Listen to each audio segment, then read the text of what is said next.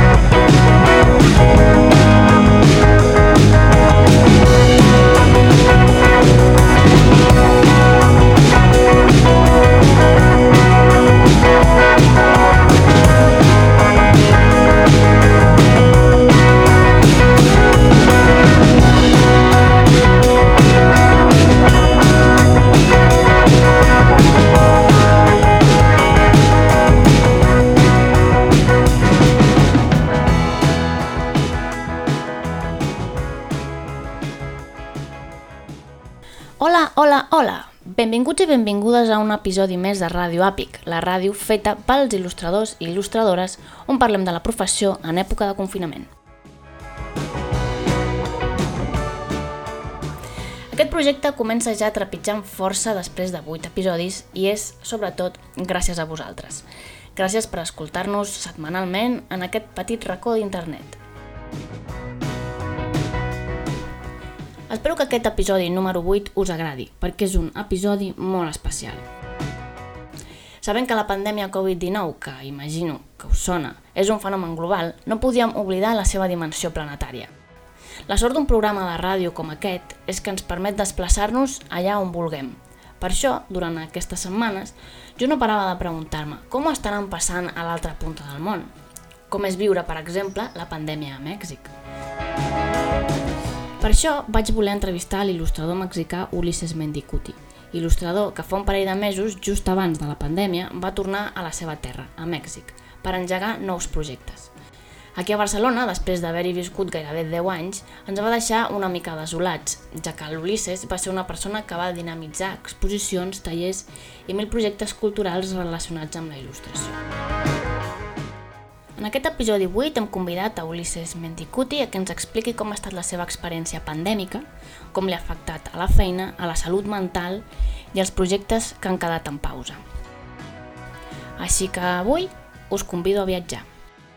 Sigueu molt benvinguts i benvingudes. Us parla Júlia Solans. I si us sembla bé, comencem.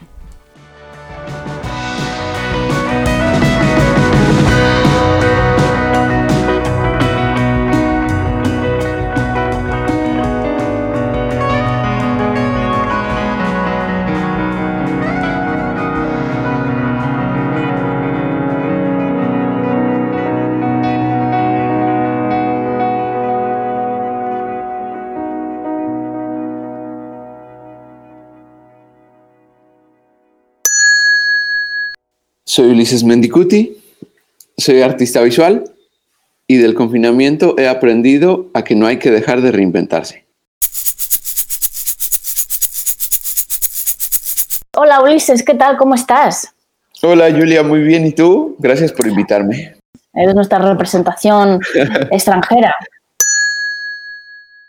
Yo soy originario de la Ciudad de México y nací en Ciudad de México, sí. Y ahora habéis ido a... A Mérida, que está al sur totalmente. Y además es que habíamos elegido una ciudad que no conocíamos, pues es que hemos llegado y nos han puesto en cuarentena. Y aquí estamos encerrados, conociendo nuestra casa a fondo. Eh, hemos tenido semanas de 43 grados. 43 eh, a la sombra no se está tan mal, se está como con 33 en Barcelona. Pero no es, no es tan húmedo. Yo sufría más en Barcelona el 2017 tuvimos un año muy malo, o sea, tanto yo personalmente como mi pareja fue muy, muy malo. Económicamente fue fatal, o sea, eh, pero en, en plan, en plan de que solo llegábamos a, a- final de mes con, con, la- con las monedas de 5 céntimos para, para comprarnos una barra de pan, o sea, cosas, cosas eh, dramáticas, ¿no? Como que era nuestro deseo irnos porque veíamos que no encajábamos y empezamos a buscar la oportunidad, ¿no? Y, empezamos a, movernos un poco más. Pero estás al final deprimido y sentado porque pues no tienes dinero y si no tienes dinero no tienes nada. Es una putada. Eh, el 2017 como que tuve este parón, pero también me enseñó muchas cosas, ¿no? O sea, como que me enseñó que mi, que no tenía que estar aferrado a un lugar, ¿no? Eh, porque era, era, yo era lo que buscaba y, y, seguramente desde mi ignorancia como, como ilustrador, ¿no? Yo buscaba tener un trabajo en Barcelona. Yo decía, si vivo en Barcelona, ¿por qué no voy a tener un trabajo aquí? Y, y creo que eso, eso es un error. El mundo es tan grande y habemos tantos, habemos tantos ilustradores en Barcelona que, que limitar, limitar las posibilidades a solo un espacio geográfico, pues es, es, un error, ¿no? Nunca me, nunca me iba a salir nada y lo que me saliera, pues iba a ser, iba a ser temporal. A, partir de que empecé a buscar como trabajar para otros, otros lugares, que también es un miedo que muchas veces tienes, ¿no? Porque dices, bueno, pues si ya aquí me va mal, imagínate en el mundo que somos más. Encontré, encontré mi, mi espacio, ¿no? Dije, bueno, hay, hay, cosas que me, hay cosas que me salen para Barcelona, y me encanta hacerlas porque son cosas que puedo disfrutar como eh, al momento, ¿no? Son cosas que voy a ver, son cosas que, que voy a ir a la exposición, que me, me, encanta, ¿no? Pero me empezaron a salir muchas, muchas cosas fuera de Barcelona. Y entonces eso me empezó a dar la calma de poder producir. No sé, me salía a lo mejor un trabajo para Alemania que pagan muy bien. Con ese trabajo yo ya podía tener la calma para hacer las cosas que a mí me gustaban. Y también creo que fue a partir de ese, de, a partir de eso que empezó a surgir como lo, que yo considero mi estilo. Y empecé a hacer cosas para mí, con esta calma de tener, no me gusta la frase, pero la vida resuelta, empiezas, empiezas a dibujar por gusto. Y esos dibujos que haces por gusto, la verdad son los que te traen los trabajos, ¿no? Porque lo haces, eh, lo haces para ti, lo haces bien, te tomas, la, te tomas el tiempo y al final han sido esos dibujos los que me han seguido trayendo trabajo hasta, hasta antes de la cuarentena. A ver, a mí no me, no me gusta considerarme un, un ilustrador, a mí me, gustaría, me gusta más considerarme artista, aunque es más, más amplio, pero siento que, que, soy como que soy más experimental en lo que hago, me gusta experimentar con las cosas. Eh, no, tengo una no tengo una formación artística ni tengo una formación de ilustrador, entonces también como que, como que el pensarme artista me da más esta libertad de, poder hacer lo que yo quiera. Sin embargo, por los trabajos, por, por la práctica que empecé a hacer, por los trabajos que empecé a hacer, empecé a enfocar mi trabajo más hacia la ilustración. Trabajando, creo que el año pasado fue mi mejor año como, como ilustrador. Tal vez a partir de 2017 o 2018 empezaste a desarrollar un estilo muy particular y muy personal de golpe, ¿no? En el que mm, trabajabas sobre una paleta muy similar, donde retratabas a mujeres empoderadas, fuertes, donde había también un punto muy urbano, donde había un punto muy, muy de guerrilla, ¿no? Muy incluso un poco macarra. Sí. ¿No? Eh, que también estaba como muy influenciado, incluso yo diría, por la música trap, ¿no? Hay como un, un trasfondo ahí de todo este universo más, más de calle. Y, y está, es, es, muy interesante ver cómo ha sido evolucionando ¿no? todo ese trabajo, además a, a partir de símbolos ¿no? que vas como retrabajando y que vas desarrollando en tu propio trabajo. Y, a, mí me, me, gustaría, porque muchas veces hablamos siempre del estilo, ¿no? cuando hablamos de ilustración, que muchas veces el ilustrador se siente como muy atrapado en un estilo y a la vez hay muchos ilustradores que tienen diferentes estilos y se sienten como... Eh, que no, no, encuentran una definición propia, ¿no? Porque dicen, no, es que a mí me falta un estilo. Entonces tú, sin embargo, cogiste algo que te gustaba mucho y empezaste como a trabajar sobre eso, incluso como a elaborar ciertos patrones repetidos, ¿no? Sí. Entonces, eh, ¿cómo, ¿cómo, te sientes tú, ¿no? Un poco al haber encontrado ese estilo.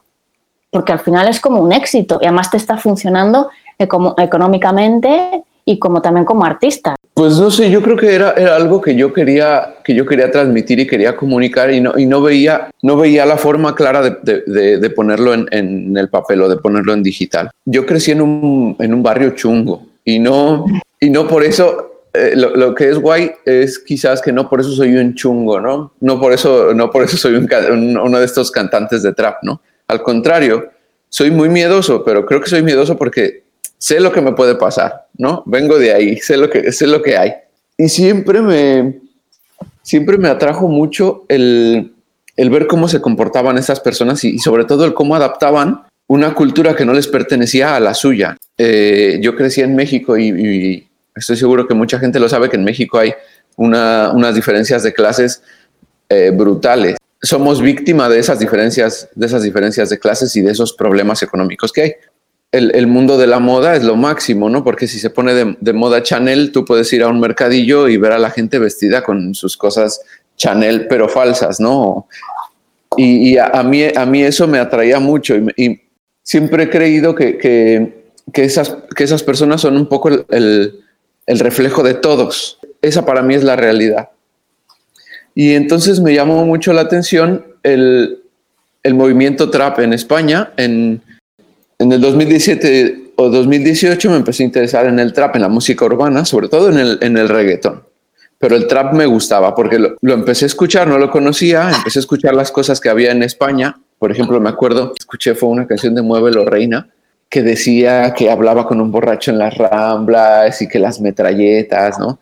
Aquí empieza a haber un, trasfondo de barrio, de gente, de gente discriminada, de gente, de gente hecha menos que, quiere, que quiere también tener su propia voz.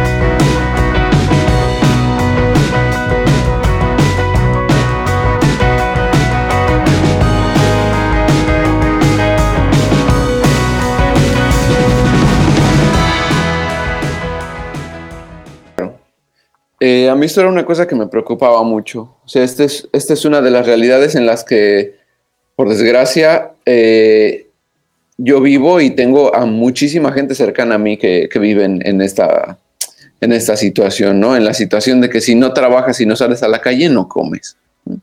Gente que vive al día. Y esto es lo que me preocupaba porque también es, eh, es verdad que somos una sociedad bastante violenta y que pues si llega un momento en el que no tienes para comer, eh, la, manera, la única manera de buscarlo es o robando o haciendo algo ilegal, ¿no? Y me daba miedo que se pudiera desatar esta violencia.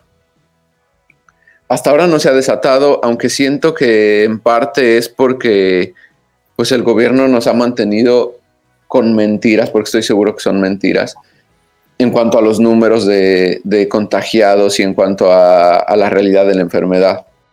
Hay, cosas, han pasado cosas heavy, por ejemplo. Hace tres semanas empezó a hablar de que había fiestas clandestinas en un, en un sitio del Estado de México que se llama Ecatepec. Eh, dos semanas después empezó a hablar de que ya había contagiados, una cantidad enorme de contagiados en Ecatepec. Y la gente empezó a morir. Y la gente de Ecatepec empezó a entrar a los hospitales a, a por sus cuerpos. Había gente que decía es que el, coronavirus no existe, les están inyectando algo a, nuestra gente para que se muera y queremos nuestros cuerpos, ¿no? Y entonces entraron a abrir bolsas de cuerpos y a llevárselos literalmente cargando. Estas son las cosas feas. y yo no sé, otra de las cosas feas es ir al supermercado, abastecerte y seguir viendo gente que vende eh, cosas en la calle. Tienen necesidad, pero la gente ya no se les acerca a ayudarles, ¿no? Porque claro, estamos en, una, en un momento en el que tienes miedo de todos, ¿no? No te quieres contagiar porque lo último que quieres es ir al hospital. Llevamos ya, a ver, nosotros llevamos un mes y una semana. Oficialmente yo creo que, que va para un mes. Y nos dicen que, que el primero de junio vamos a poder salir porque se habla de que hay solo 6.000 casos en México, una cosa así, que son muy pocos, también considerando la cantidad de población que tenemos y, y, las pocas precauciones que tiene la población. Tengo una tía que tiene coronavirus, se contagió en un mercado, que los mercados estaban abiertos, eh, resulta que en el mercado estaban contagiados un montón de gente, había muerto ya gente por coronavirus y se habían contagiado en, en un sitio que se llama Central de Abastos y venden, venden comida al por mayor, ¿no? Y también resulta que ahí hay, hay como un brote y pues es que claro, es la gente que, que, te repito, ¿no? La gente que tiene que ir al mercado a vender sus verduras todos los días porque si no, no come. Pues fue muy drástico. O sea, se puede decir que yo recibía tres mails al día, que, bueno, lo sabemos todos, ¿no? Tres mails al día que no significaban trabajo, pero que significaban propuestas que muchas veces no se hacían. Es decir, de, de todos los mails que yo recibí en la semana, a lo mejor hacía un trabajo. A no recibir uno solo. A no recibir uno solo. Y por suerte, muchos de los trabajos que yo había hecho el año pasado no me los habían pagado. Yo lo había visto como un ahorro, empecé a pensar, bueno, me pagarán cuando esté en México, con este dinero voy a, voy a sobrevivir unos cuantos meses. Y pues justo fue el dinero que me cayó cuando, cuando llegué aquí. Entonces digamos que me dio la calma para poder ir tirando, ¿no? Ir sacando proyectos personales, ir haciendo más cosas. Una de las cosas por las que vine a México es porque quería ver qué otros proyectos había aquí y porque grabé un curso para doméstica en México. También tuve ese proyecto este año, justo antes del confinamiento. De hecho, terminé de grabar el curso de doméstica en Ciudad de México, me regresé a Mérida y no volví a salir. Eh, pero no sé cuándo salga. Eh, ha sido muy guay, ha sido una experiencia increíble, la verdad. Es, es, de, es de, dibujo con Procreate, de cómo encontrar tu estilo a través del dibujo de retratos y de cómo transmitir, de cómo transmitir tus ideas a través de, un buen retrato, ¿no? Hablo de cómo encontré yo la manera más fácil para encontrar mi, mi estilo, que en realidad son herramientas, que son básicamente herramientas para comunicar, ¿no? Ser, ser fiel a los referentes, utilizar los referentes como si fuera una religión y, aferrarte a ellos y después son cosas que, que he aprendido de muchas personas o, o, claro, con la, con la práctica. Cuéntanos un poco sobre ese proyecto que iniciaste en Barcelona que se llamaba It's Me, ¿no? ¿Qué, qué intentabas con, con, este proyecto? Era, sí, eh, yo lo que quería era rescatar las, las, las tradiciones que hay, en, que hay en México en cuanto a la artesanía y rescatarlas y modernizarlas con el trabajo de, artistas contemporáneos. Lo que pasa es que It's Me nunca funcionó. A mí me encanta, a mí me encanta decir, me encanta decir que It's Me es un fracaso. Que yo creo que de los fracasos aprendes un montón. Cada que hacíamos It's Me una cosa nos salía mal, pero aprendíamos y la siguiente la hacíamos bien. La verdad es que tuvimos una exposición en la que tú participaste que para mí fue súper exitosa, pero también para mí fue el ejemplo más claro de que estábamos haciendo una cosa que no tenía cabida en el mercado y en la que yo me estaba gastando mi dinero.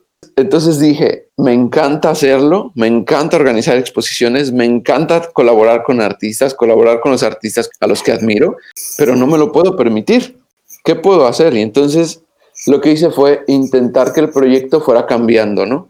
Intentar que ahora fuera más como una, una cuestión de gestión cultural, en la que yo pudiera ir colaborando con artistas, pero en otros proyectos. Hicimos varias exposiciones como Itzmin. Intenté que siempre tuvieran relación con México para que, claro, la esencia de Itzmin se viera. No sé, hacíamos una exposición de piñatas. Eh, hicimos una exposición para recaudar fondos para el terremoto del 2017. Eh, hicimos hicimos, hice con Itzmin hice muchísimas cosas. Digo siempre hicimos porque siempre intentaba rodearme de gente, ¿no? Hacía el, hacía el curso de verano en miscelánea, pero llegó un momento en el que dije, no, es que no puede más It's Me, o sea, tiene, tiene que crecer, tiene que evolucionar y yo tengo que aplicar lo aprendido en algo que tenga más, más pies, en algo que tenga un sustento más importante. Y entonces, desde el año pasado, lo que pasa como que como el año pasado tuve muchísimo trabajo, no lo pude hacer, eh, desde el año pasado me compré un dominio en Internet, con el único fin de tener un blog en el que la comunidad de ilustradores y de artistas eh, pudiera expresarse, ¿no? O sea, a mí me pasaba mucho que yo no encontraba un lugar que me dijera todos los, todos los eventos que había, ¿no? Sobre todo cuando eh, vives en una ciudad como, como Barcelona, que hay tantas cosas. Es fácil perderse, ¿no? O yo quería que me dijeran qué eventos había y qué eventos valían la pena.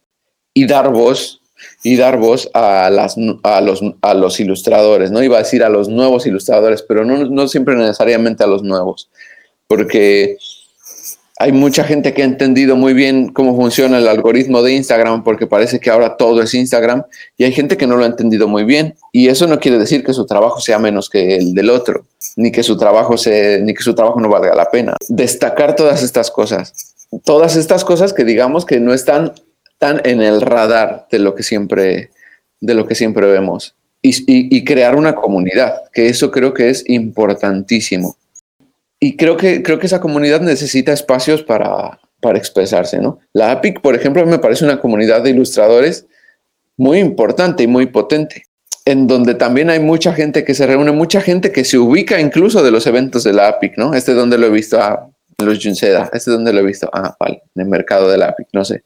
Y quiero eso, quiero, quiero, ser un, quiero ser un medio de comunicación y además soy un, soy un poco ambicioso, pero quiero, quiero ir metiendo otras cosas, ¿no? Últimamente estoy como muy interesado en, la gente que, escribe. A mí me gustaría mucho escribir, pero siempre he tenido una ortografía horrible. Me avergüenzo de mi ortografía. Eh, pero hay, hay muchas ideas que me gustaría escribir. Como veo que hay gente que lo hace mejor, me gustaría también darles espacio eh, para que la gente se exprese. Y me estoy rodeando también de gente, de exprofesores, porque yo estudié filosofía, de exprofesores, de, de amigos, ¿no?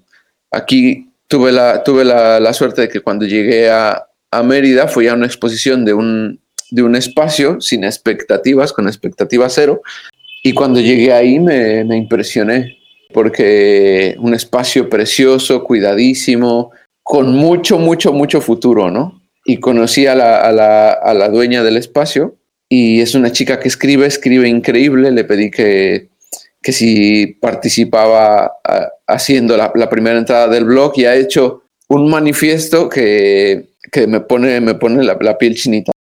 Este proyecto se llama SHE, que significa se habla español, porque sí que hay blogs de ilustración, porque sí que hay medios de ilustración, pero casi todos en inglés. Si no es que la gran mayoría en inglés. Y yo quería hacerlo en español, que es nuestra lengua, y donde veo que hay creo que la ilustración en Latinoamérica está teniendo un boom muy bueno. Se llama She, estamos en Instagram como s.h.e, H como la letra con H, y, el, y también el, dominio de internet es SHE, ahí sin punto, she.com. Sí, yo recomiendo a todo el mundo que le eche un vistazo porque el blog o la web es muy guay las ilustraciones de Joan X Vázquez son maravillosas, son unos GIFs animados muy surrealistas y muy bonitos. Y, es verdad que el manifiesto de 11 puntos también es muy bonito y vale mucho la pena. Pues, oye, mm, Ulises, se nos está acabando el tiempo. Yo creo que más o menos, sí, más o menos hemos hablado de todo, pero em, te deseo mucha suerte en este proyecto de, de She. Gracias. Y mm, invito a todo el mundo pues, a que visite el trabajo de Ulises Mendicuti en su Instagram, que es arroba ulises.mendicuti con dos T's y una Y al final. Exacto. Y bueno, muchísimas gracias por haber aceptado esta entrevista en Radio Apic, por contarnos qué tal está México y cómo te va la vida por ahí. Gracias a vosotros. y esperamos vernos muy pronto, a ver si volvéis prontito a Barcelona, cuando nos deje el COVID. Tengo muchas ganas de ir, además porque tenía un par de proyectos, me habían salido un par de proyectos en, verano, iba, iba a regresar, iba a pintar un mural, eh, iba, iba a hacer otro libro, tenía ahí, tenía ahí muchas cosas, todo se tiró, a la, todo se fue a la basura, espero que no, o sea, la promesa es que se, los proyectos se recuperarán cuando se pueda salir, ¿no? Claro, yo creo que sí. tenía muchas ganas de ir a mi Barcelona querida. Bueno, pues aquí nos tienes, ya lo sabes. Sí, sí, sí, sí. Te esperamos con ganas. Pues muchísimos besos, cuidaos mucho y salid poco, salid poco que todavía os quedan unos días de confinamiento. Sí, bueno, solo salimos al súper y ya está. Claro, lo que hay que hacer, justo.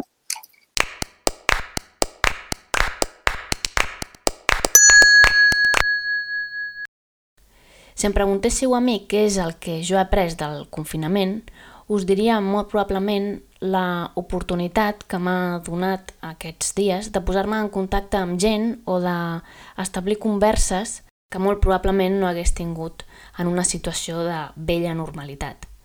Aquest podcast m'ha brindat l'oportunitat de, de conversar obertament i dedicar-nos temps amb, amb persones, amb il·lustradors, amb il·lustradores, amb professionals de la il·lustració, amb les quals compartim afinitats, inquietuds, dubtes, i penso que és una de les coses més fantàstiques d'aquest projecte de Ràdio Àpic.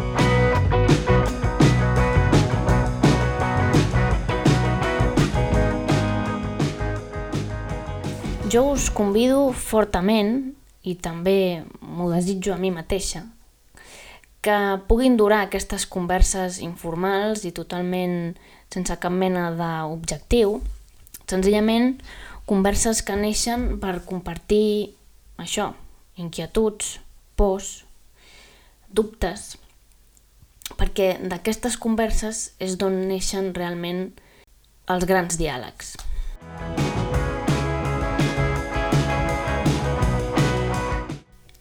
Moltes gràcies per escoltar un dia més aquest podcast, Ràdio Àpic, un programa de ràdio creat per l'Associació Professional d'Il·lustradors de Catalunya amb la idea de passar una estoneta en aquest llarg confinament.